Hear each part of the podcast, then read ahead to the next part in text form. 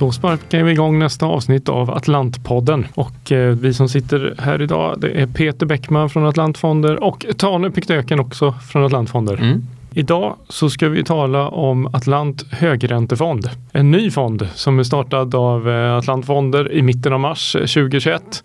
Eh, nästan efter ettårsjubileumet av den stora likviditetskrisen på den nordiska företagsobligationsmarknaden. Fonden siktar mot att hålla en riskklass 3 av 7 och den har en förvaltningsavgift på ungefär 1 och där har vi de, de officiella data runt fonden som alla kan se.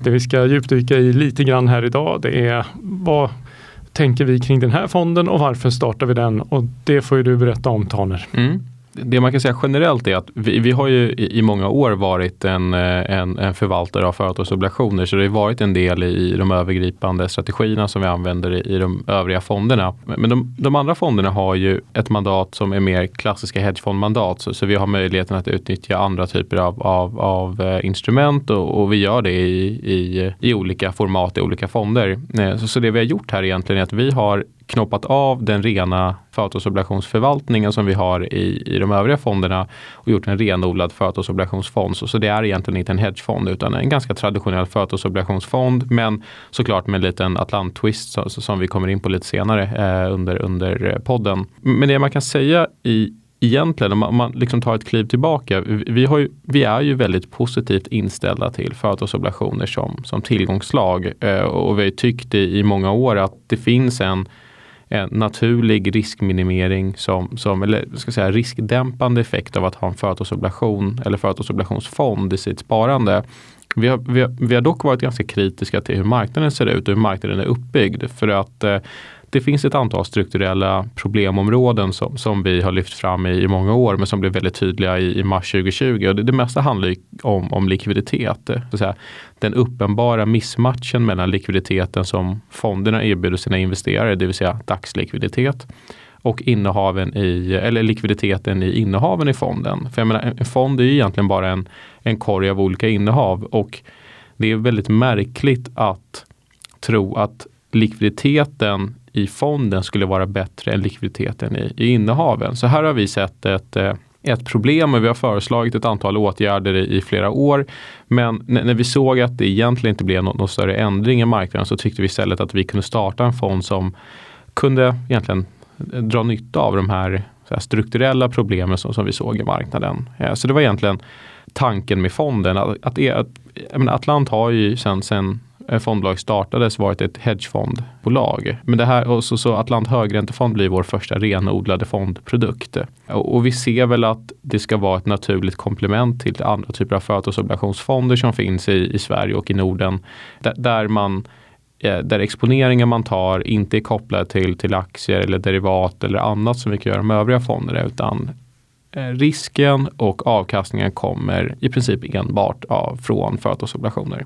Ja, som vi sa i början så kommer den här vara i riskklass 3 av den här sjugradiga skalan. Ja. Eh, där ett är lägst risk och sju är högsta risken. Och andra högräntefonder ligger väl i samma riskklass där. Och där det man tittar på traditionellt då blir det kreditrisk och, och vad man har för durationsrisk mm. och, och, och sådana här saker. Men, men det, det, som skiljer den här från de andra det blir då helt enkelt likviditetsrisken, hur vi ser på, på, ja. på den risken i fonden. Ja, Nej, men eh, som du säger så finns det ett antal huvudrisker i, i företagsobligationsmarknaden. Det är mest kanske det, det, som, det som är allra tydligast i kreditrisk, det vill säga eh, i och med att en, en, obligation är ett lån till ett bolag eller till en annan motpart eh, så, så är kreditrisken att motparten inte kan, kan eh, efterleva låneavtalet, eh, gå i konkurs eller behöva ställa in kupong av, av olika anledningar. Så, så det är den här, uppenbara risken. Men eh, om man tittar på Sverige och Norden över långa tidsperioder så är faktiskt kreditrisken eller konkursrisken den är väldigt låg. Så det har väldigt få konkurser av någon större dignitet i, i Norden.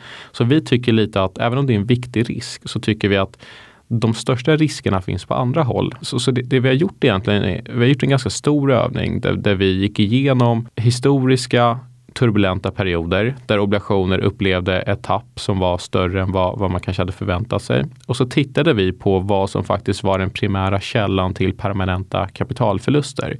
Och det som blev väldigt tydligt var att det var inte de här stora konkurserna som var ett problem. För de, de är oftast väldigt få, väldigt små och har man en diversifierad portfölj så, så tynger de inte fonden särskilt, särskilt mycket. Utan du kan ha ett antal innehav men, men har man en bred och diversifierad portfölj så, så är det bara ett, blir ett litet, litet hack i kurvan.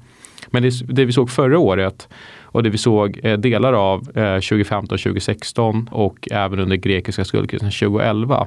Det är att den primära källan till permanenta kapitalförluster kommer ifrån likviditetsrisken. Det vill säga att du får ett utflöde i fonden när marknaden är som svagast och du måste realisera förluster.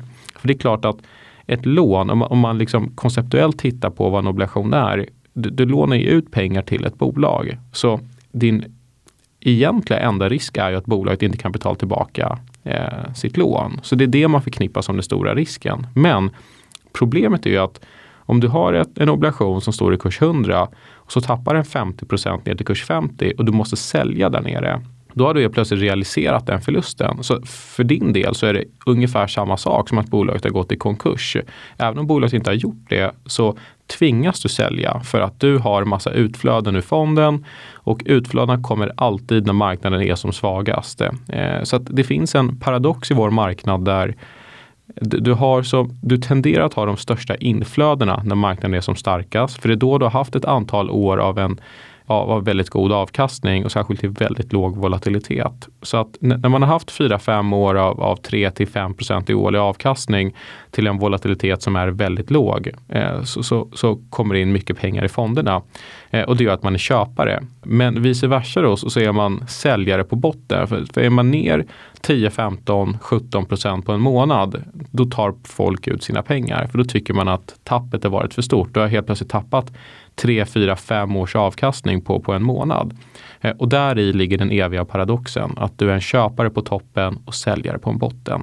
Så att fonden är egentligen konstruerad för att dra nytta av den här imbalansen mellan in och utflöden och när de kommer i tiden. Men det enda sättet då att, att, att eh, hålla sig redo för sådana här flöden, för man mm. vet ju tyvärr inte när de här rörelserna på marknaden sker. I så fall skulle vi ha väldigt bra performance mm. på våra fonder. Men, men enda sättet det borde ju vara att hålla en hög likviditet så man kan möta de här flödena. Men då missar ja. man väl avkastningschansen också. Om man inte är med i marknaden utan bara ligger i kassa då, då missar man väl avkastningschansen och den här fonden kommer gå sämre än andra fonder. Eh, absolut, det, det, det, är ju perceptionen är ju att det är så. Och eh, det är klart att har du 50% av en fond i, i kassa och bara hälften av fonden är investerad så säger det att ska du leverera säg 5% om året så måste den halvan som är investerad leverera 10% och det är ju väldigt svårt eh, utan att ta mycket risk. Så, så poängen som du lyfter fram där, jag tror att det största den värsta effekten av att ha mycket cash är alternativkostnaden av att ha en stor del av fonden icke-investerad. Över långa tidsperioder så går ju du miste om väldigt mycket avkastning. Men det finns ju sätt att komma runt det eh, och det är de strategier som vi tillämpar. Så, så om man tar Atlant högräntefond till exempel så kommer ju den fonden i princip alltid ha 30 50% av fonden i cash eller cashliknande instrument. Så det kan vara statsskuldväxlar eller liknande. Så att ren statsrisk eller cash. Och vi kan parera den alternativkostnaden av att ha så mycket likvida medel genom att använda ett antal derivat som ger oss exponering mot kreditmarknaden men på ett mer kassaeffektivt sätt. Så ett, eh, eh, ett, exempel egentligen, vi, vi, kan köpa en termin som ger oss exponering mot ett amerikanskt, säg ett investment grade index. Men den, den terminen kostar inte 100. Så om vi köper risk för 100 miljoner till exempel så kostar inte den 100 utan vi, vi betalar ett kapitalkrav som är 5% ungefär. Så, så, att i det här fallet då så tar vi 100 miljoner i risk men vi betalar bara 5 miljoner och det gör att vi kan hålla 95, nej, 95 miljoner i, i likvida medel och ändå ha 100 investerat. Så det, det är så vi parerar alternativkostnaden av att ha mycket, mycket likvida medel. Så att det är egentligen det här är inget nytt förvaltningsområde för, för Atlant utan vi, vi har tillämpat de här strategierna eh, i flera år. Nu kommer liksom ett, ett renodlat skal för de här strategierna. Ja, så att det, det, man kan förvänta sig av fonden det är en, en avkastning i linje med andra eh, liknande högräntefonder som vi har sett som har varit väldigt populära de sista åren. Men att vi eh, kan hålla en likviditet som gör att man tar bort den risken. Ja, det, det, det stämmer. jag skulle säga att förvaltningen i, i Atlant högräntefond kommer kretsa kring två primära aspekter. Det första är att se till så att vi aldrig är en forcerad säljare i en sur marknad. Det vill säga vi är aldrig tvungna att sälja en obligation för att täcka ett utflöde, utan vi kommer ha ett antal likviditetsåtgärder som vi kan nyttja för att parera ett utflöde. För vi vet att vi, jag menar, vi kan drabbas av utflöden som alla andra. Eh, men det viktigaste för oss är att aldrig behöv, behöva sälja om vi inte vill sälja. Så det är den första aspekten, det vill säga att du slipper realisera de här permanenta kapitalförlusterna på, på botten. Den andra aspekten som egentligen är en förlängning av den första, det är att vi också vill vara en köpare i en svag marknad. Eh, och det finns nyansskillnader mellan de här två aspekterna. Men, men det man kan säga är att, och det som blev väldigt tydligt mars 2020, var ju att det fanns i princip inga köpare utan det spelade nästan ingen roll vad du ville sälja. Eh, du kunde sälja bolag eller lån till bolag med väldigt hög kreditvärdighet. Så att, jag menar, du, du, eh, eh, lån till Volvo och Scania sålde jag av 20-25 på, på bara ett par dagar. Eh, och, och kreditrisken i bolagen var ju väldigt, väldigt låg. Men det var bara en effekt av den bristande likviditeten i marknaden. Så jag skulle vilja säga att den risk vi primärt vill parera, det är att slippa ta de här irrationella förvaltningsbesluten där vi måste sälja på botten för att täcka ett utflöde. Vi måste rabattera ut ett, ett innehav för att täcka ett utflöde. Eh, så, så det är egentligen det som, som hela förvaltningen kommer, kommer kretsa kring. Eh, och vad kan man eh, förvänta sig för eh, avkastning från en sån här fond skulle mm. du säga? Eh, avkastningen den är ju lite knepig att sätta i, i, i, i, tal för att det är ju en fond som har en i princip en hundraprocentig exponering mot företagsobligationsmarknaden över långa tidsperioder.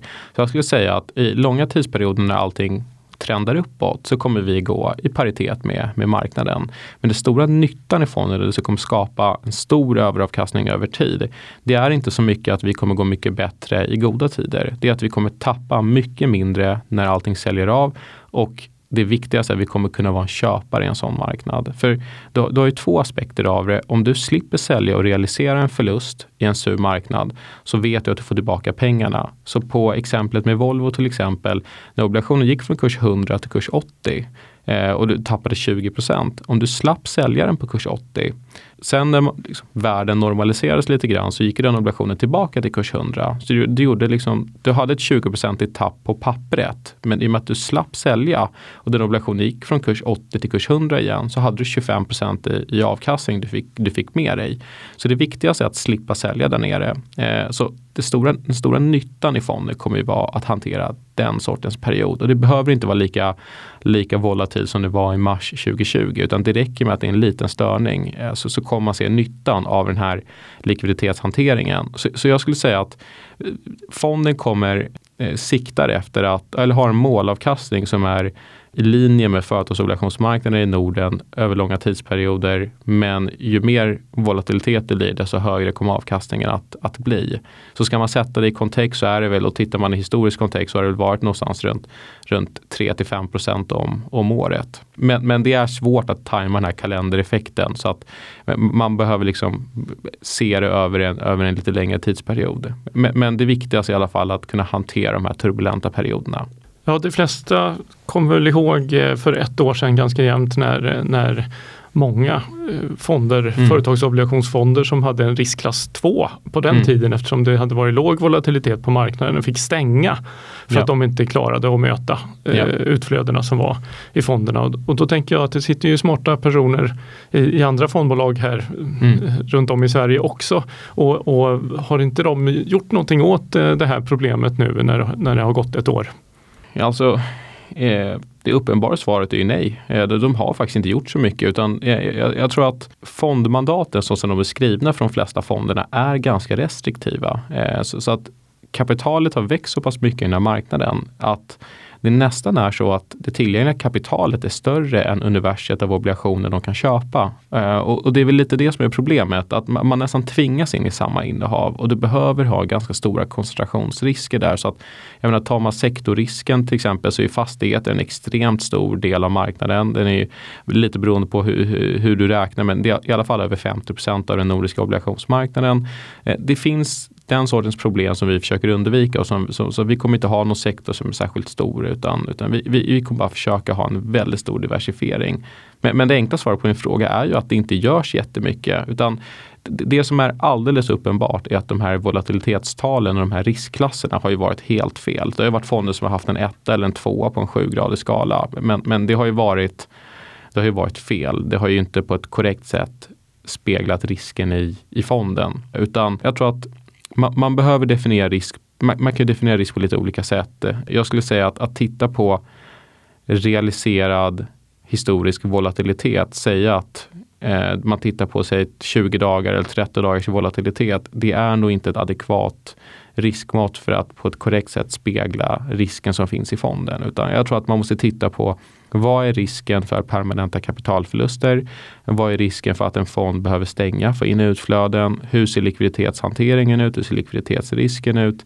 Jag tror att, det finns, jag tror att risk är ett ganska svårt begrepp och, och, och det räcker inte med bara att säga att en fond är en riskklass 2 utan man måste liksom lite skrapa på ytan och se hur, hur den fonden ser ut. Vad, vad, hur ser innehaven ut? Hur ser diversifieringen ut?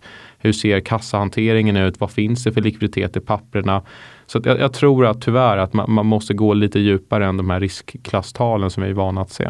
Ja, eh, nej men då ser vi fram emot att följa utvecklingen på den nystartade Atlant högräntefond som eh, har samma egenskaper som andra företagsobligationer men med en Atlant-twist. Ja.